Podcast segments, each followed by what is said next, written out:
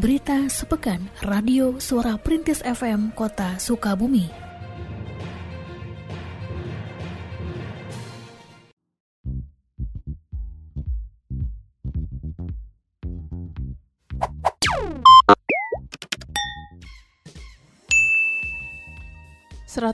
Belas orang calon pegawai negeri sipil di lingkungan pemerintah Kota Sukabumi diangkat menjadi pegawai negeri sipil PNS usai dilantik Wali Kota Ahmad Fahmi melalui prosesi pengambilan sumpah dan janji PNS pada hari Senin 13 Desember 2021 di Gedung Korpri Kota Sukabumi. Wali Kota Sukabumi Ahmad Fahmi dalam amanatnya kepada para PNS yang baru dilantik, menegaskan bahwa para PNS harus menjaga integritas, kesempurnaan, kesabaran, kesopanan, dan profesionalisme saat memberikan pelayanan kepada masyarakat. Selain itu, ia menuntut para PNS agar senantiasa beradaptasi dengan kemajuan teknologi. Pada bagian lain amanatnya, Wali Kota menekankan para PNS untuk saling menguatkan, membantu satu sama lain untuk mewujudkan kota Sukabumi yang lebih baik. Para PNS yang merupakan CPNS Angkatan tahun 2019 sebelumnya telah melalui pelatihan dasar selama tiga bulan dengan menggunakan metode blended learning serta telah ditugaskan di berbagai perangkat daerah.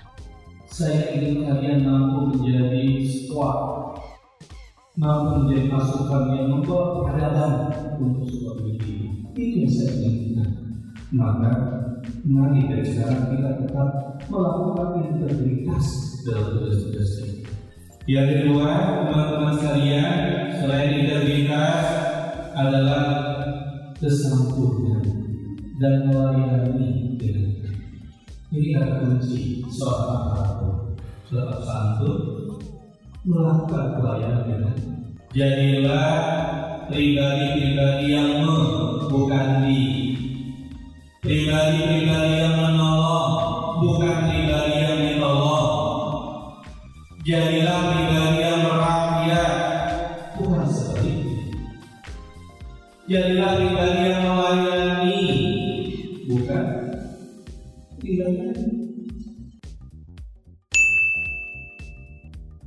11 orang atlet bulu tangkis yang akan berlaga pada babak kualifikasi Pekan Olahraga Provinsi Porprov Jawa Barat dilepas secara resmi oleh Wali Kota Sukabumi Ahmad Fahmi pada hari Senin 13 Desember 2021 di Balai Kota.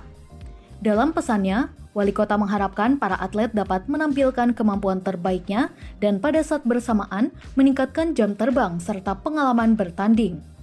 Sementara, Wakil Ketua PBSI Kota Sukabumi, Ivan Rusfansyah Trisha, menjelaskan bahwa para atlet yang terdiri dari enam orang atlet putra dan lima orang atlet putri akan bertanding dalam berbagai nomor seperti tunggal dan ganda campuran. Persiapan sendiri sudah dilaksanakan sejak jauh hari, sehingga para atlet saat ini dalam kondisi siap bertanding. Adapun target yang dicanangkan pada babak kualifikasi oleh kontingen bulu tangkis Kota Sukabumi adalah mencapai babak utama Porprov yang menurut jadwal akan digelar pada tahun 2022. Ya insya Allah kita siap ya untuk menghadapi BK Porprov di tahun 2021 di Kota Bandung. Insya Allah kita mempersiapkan sudah jauh-jauh hari latihan-latihan. Kemarin juga tesnya tiga hari di Gorijuk. Insya Allah dengan atlet yang bertalenta yang orang kota Sukabumi asli Insya Allah kita mempersembahkan yang terbaik untuk kota Sukabumi khususnya berjuang untuk maju ke babak quarter di tahun depan.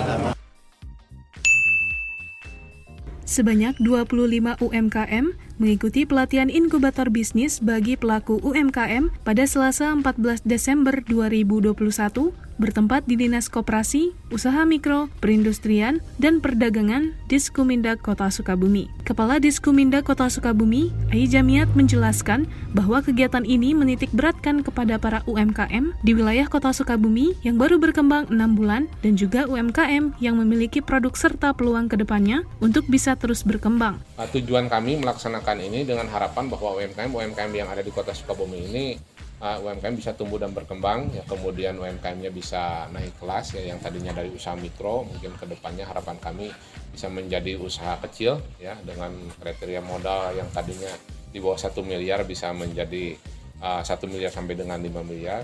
Harapan ke depannya supaya UMKM UMKM ini uh, bisa tumbuh dan berkembang dan bisa menyerap tenaga kerja ya harapannya. Sehingga uh, pengang angka pengangguran di kota Sukabumi ya bisa terserap melalui uh, UMKM ya, dan tentunya akhirnya pada akhirnya uh, ekonomi di kota Sukabumi bisa tumbuh dan berkembang dan bisa meningkat melalui uh, pengembangan UMKM yang ada di wilayah kota Sukabumi. Ketersediaan dan stok bahan pangan di kota Sukabumi untuk menghadapi libur Natal dan Tahun Baru dipastikan aman. Hal ini diungkapkan oleh Kepala Bidang Perdagangan Dinas Koperasi, Usaha Mikro, Perindustrian dan Perdagangan Diskumindag Kota Sukabumi, Widya Yuda Setiawan, dalam pemantauan ketersediaan, pasokan, harga, dan keamanan pangan pokok strategis pada hari Rabu, 15 Desember 2021 di City Mall.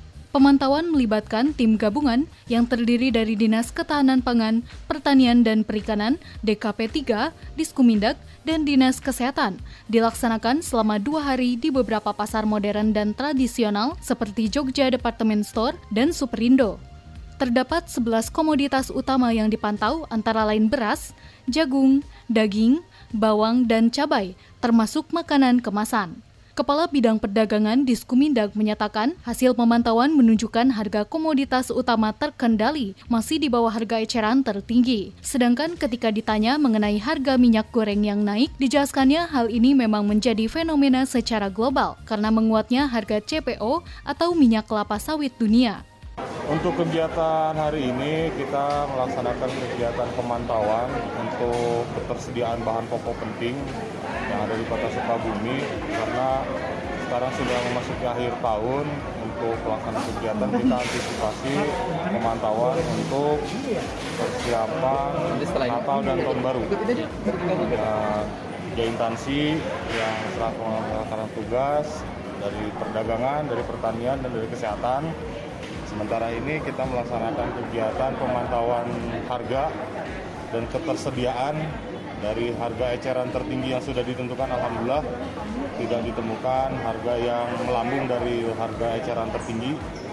Dan untuk ketersediaan bahan pokok penting uh, dari tim juga tadi sudah melihat uh, dirasakan untuk menjelang Natal dan Tahun Baru untuk stok ketersediaan pangan bahan pokok penting di Kota Sukabumi ini dirasa cukup Sementara Kepala Bidang Ketahanan Pangan DKP 3, Sunario, hasil pemantauan dari dua lokasi menunjukkan pangan asal hewan maupun tumbuhan aman untuk dikonsumsi. Ia pun menghimbau seandainya masyarakat menemukan pangan yang tidak aman untuk dikonsumsi agar segera melaporkan ke DKP 3. Alhamdulillah ini dari pemantauan yang kita laksanakan hari ini di dua perwakilannya di super, juga supermarket sama dari Superindo dari sisi keamanan pangan kita tidak mendapatkan uh, indikasi ada masalah. Artinya pangan yang tersedia baik pangan segar asal tumbuhan maupun pangan asal hewan yang tersedia di Kota Sukabumi alhamdulillah layak dan aman dikonsumsi oleh masyarakat sehingga tidak perlu ada kekhawatiran. Tapi tetap kehati-hatian memang kita tetap menyarankan ya, makanya harus membeli di tempat-tempat yang secara legalitasnya sudah jelas. Kemudian kalau misalkan masyarakat mendapatkan atau menemukan uh, produk yang secara label maupun apa kemasan dan segala macam ini memang harus eh, hati-hati uh, juga. Jadi kita saling ya kalau misalkan perlu dilaporkan aja ke kami maupun ke teman-teman di Kemendak, insya Allah nanti kita bisa tindak lanjuti. Sebanyak 23 pelaku ekonomi kreatif mengikuti fokus group discussion FGD, Artis Association yang diselenggarakan oleh Dinas Kepemudaan, Olahraga, dan Pariwisata di Sporapar Kota Sukabumi dan Sukabumi Creative Hub SCH pada Rabu 15 Desember 2021 di Hotel Balkoni. FGD menghadirkan pula para pelaku bisnis yaitu Toserba Jogja dan Grab. Kepala Disporapar Kota Sukabumi, Tejo Chandro Nugroho, memanfaatkan momen FGD tersebut untuk mengajak para pelaku ekonomi kreatif di Kota Sukabumi agar bersatu bergabung bersama Sukabumi Creative Hub sehingga bisa satu tujuan yakni mensejahterakan Sukabumi. Sementara Kepala Bidang Pariwisata di Sporapar Kota Sukabumi, Fajar Nugraha menjelaskan bahwa FGD merupakan salah satu upaya pemerintah menjembatani para pelaku ekonomi kreatif dengan pelaku bisnis guna meningkatkan perekonomian. Seperti dijelaskan oleh perwakilan SCH, Berliana, bahwa output dari kegiatan ini adalah MOU atau kesepakatan kerjasama antara kedua belah pihak dan diharapkan kerjasama ini dapat berjalan dengan lancar serta hubungan baik antara pelaku ekonomi kreatif dengan pelaku bisnis dapat terjaga. nanti output dari kegiatan ini adalah uh, berupa MOU atau apa ya kesepakatan kerjasama antara kedua belah pihak tersebut gitu. Jadi FGD pada hari ini adalah mempertemukan kedua pihak tersebut. Uh, harapannya tentu uh, untuk apa ya untuk uh, nantinya uh, apa kerjasama itu berjalan lancar ya uh, apa hubungannya juga terjaga antara pelaku bisnis dengan uh, pelaku ekonomi kreatif gitu. Jadi apa yang dirumuskan, apa yang disepakati semoga bisa berjalan lancar dan apa ya jadi keuntungan bagi dua belah pihak juga gitu bagi pelaku bisnis, bagi uh, pelaku ekraf dan bagi dinas juga selaku penyelenggara. Perbaikan posyandu dan sarana ibadah merupakan dua usulan di antara beberapa usulan yang diajukan oleh masyarakat melalui Musyawarah Perencanaan Pembangunan Musrenbang Kelurahan Cisarua pada hari Rabu 15 Desember 2021. Lurah Cisarua, Yudi Supriyadi, menandaskan pada Musrenbang kali ini yang merupakan bagian dari perencanaan pembangunan tahun 2023, masyarakat banyak mengusulkan pembangunan infrastruktur karena dari usulan pada Musrenbang tahun sebelumnya terdapat beberapa pembangunan yang belum direalisasikan. Seperti biasanya, dari tahun ke tahun, penyelenggaraan musrenbang itu selalu didominasi oleh usulan sarana prasarana atau kegiatan fisik. Harapannya tentunya eh, apa yang eh, diusulkan, karena begini yang namanya itu usulan itu adalah merupakan kebutuhan ataupun permasalahan yang ada di wilayah. Jadi harapan kita tentunya apa yang diusulkan itu dapat eh, di menjadi prioritas dan dapat direalisasikan oleh baik itu dinas terkait ataupun memang dari unsur-unsur yang lainnya. Karena memang sumber anggaran itu kan bukan hanya dari APBD saja gitu, tapi dari ada dari provinsi, dari APBN, kemudian juga partisipasi dari uh, anggota dewan gitu kan dan uh, eh, CSR dan sebagainya mudah-mudahan uh, dengan sudah menjadi agenda pembangunan tahunan kelurahan itu Eh, bisa dilaksanakan terlepas daripada sumber anggaran itu dari mana. Sementara itu, lima pembangunan bersifat fisik atau infrastruktur, dan enam kegiatan non-fisik menjadi usulan dari Musrenbang Kelurahan Nanggeleng untuk diajukan ke Musrenbang tingkat kecamatan. Adapun lima pembangunan fisik antara lain terdiri dari pembangunan posyandu, renovasi ruangan PKK, perbaikan drainase, dan pengaspalan jalan. Sedangkan pembangunan non-fisik seperti bantuan modal untuk koperasi RW. Lurah Nanggeleng Aditya Wibawa menjelaskan Fokus pada musrenbang tidak hanya berupa pembangunan fisik saja, tetapi juga pada pembangunan sumber daya manusia, sehingga beberapa usulan pelatihan pun diajukan oleh masyarakat. Musrenbang kali ini kita laksanakan seperti kegiatan rutin tahun-tahun sebelumnya. Cuman memang dalam masa pandemi ini kita diperlukan mungkin sedikit inovasi menyesuaikan dengan kondisi saat ini yang mana memang tidak terlalu tidak banyak orang berkumpul jadi hanya perwakilan ketua RW saja yeah. lalu juga LKK dan beberapa tokoh warga dan tokoh-tokoh masyarakat mm. tapi untuk menyiasati itu kami menayangkan musrenbang ini di Facebook, YouTube, Instagram kelurahan jadi tetap musrenbang ini terbuka untuk umum dan bisa diikuti oleh seluruh warga masyarakat kelurahan Nanggeling sedangkan prioritas utama dalam musrah ini apa saja? Uh, prioritas yang dihasilkan dari musrenbang ini adalah lima kegiatan fisik dan lima kegiatan non, non, yang non fisik yang mana memang tidak hanya fisik tapi pembangunan sumber daya manusia edukasi yang lain-lainnya juga perlu kita uh, bangun. Selain non yang selain fisik. Wali Kota Sukabumi Ahmad Fahmi melantik lima orang kepala sekolah dasar dan enam orang kepala sekolah menengah pertama pada hari Rabu 15 Desember 2021 di Balai Kota. Pelantikan tersebut diprioritaskan untuk sekolah penggerak yang ada di Kota Sukabumi. Adapun kepala sekolah dasar yang dilantik di antaranya, Sugianto yang menjabat Kepala SD Negeri Daya Luhur CBM, Yudi Kartasasmita yang dilantik Kepala SD Negeri Gunung Parang, dan Iwan Setiawan yang diberikan amanat menjadi Kepala SD Negeri Cipanas. Sedangkan Kepala Sekolah Menengah Pertama yang dilantik antara lain Jaja Jahidin yang menjabat sebagai Kepala Sekolah SMP Negeri 13, Dudi Jailani yang dilantik sebagai Kepala SMP Negeri 3, dan Rahmat Darmadi yang menjabat sebagai Kepala SMP Negeri 14. Wali Kota dalam amanatnya kepada 11 orang kepala sekolah yang dilantik menyampaikan bahwa mereka harus mampu menjalankan berbagai peran salah satunya menjadi motivator di lingkungan sekolahnya. Terlebih dengan program sekolah penggerak yang dalam penerapannya menuntut pengelolaan yang baik dimulai dari perencanaan khususnya karena teman-teman yang sekarang dilantik mereka dipersiapkan untuk menjadi eh, kepala sekolah di sekolah program program sekolah penggerak. Jadi hari ini kita prioritaskan yang akan menjadi sekolah penggerak terlebih dahulu, baru nanti dari tahap berikutnya kita akan melantik kekosongan yang masih terjadi saat ini. Kita cukup banyak kekosongan ya, khususnya guru SD. Makanya kemarin alhamdulillah bersyukur dari hasil diklat sudah ada eh, calon-calon kepala sekolah yang memiliki sertifikat. Jadi insya Allah nanti itu yang akan eh, kita lantik menjadi para kepala sekolah. Bantuan senilai 14 juta 100 ribu rupiah dari mitra kerja Perumda AM Tirta Bumi Wibawa diterima oleh pemerintah kota Sukabumi untuk penanggulangan bencana seperti banjir. Bantuan tersebut diserahkan oleh Direktur Perumda AM Tirta Bumi Wibawa, Abdul Holik Fajdawani, kepada Wali Kota Ahmad Fahmi pada hari Rabu 15 Desember 2021 di Balai Kota. Pada kesempatan yang sama, diserahkan pula bantuan 10.800 masker dari Iris Ohyama dan Ace Hardware. Wali kota dalam kesempatan tersebut menyampaikan rasa terima kasihnya kepada semua pihak yang telah memberikan bantuannya baik untuk penanggulangan bencana alam maupun pandemi COVID-19. Sementara itu, Direktur Perumda AM Tirta Bumi Wibawa menjelaskan mitra kerjanya yang memberikan bantuan adalah perusahaan Korea Selatan yang menjalin kerjasama dalam pengurangan tingkat kehilangan air. Bantuan tersebut diberikan dalam bentuk 107 paket sembako, 8 pasang sepatu boot, dan 8 set jas hujan. Ya, ini uh, bantuan dari Wiplat Korea Selatan. Ini menindaklanjuti kerjasama kita sebelumnya untuk penanganan tingkat kehilangan air di Kota Sukabumi.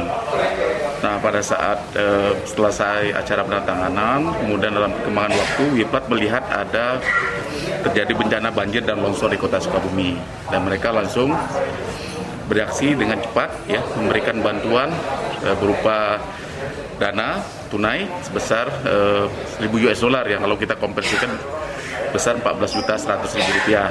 Nah dengan koordinasi kita dengan BPBD kemudian dana tersebut dijadikan bantuan berupa sembako serta beberapa peralatan kerja untuk e, eh, BPBD. Nah harapan kita mudah-mudahan ini bermanfaat buat masyarakat Kota Sukabumi. Oh, terima kasih.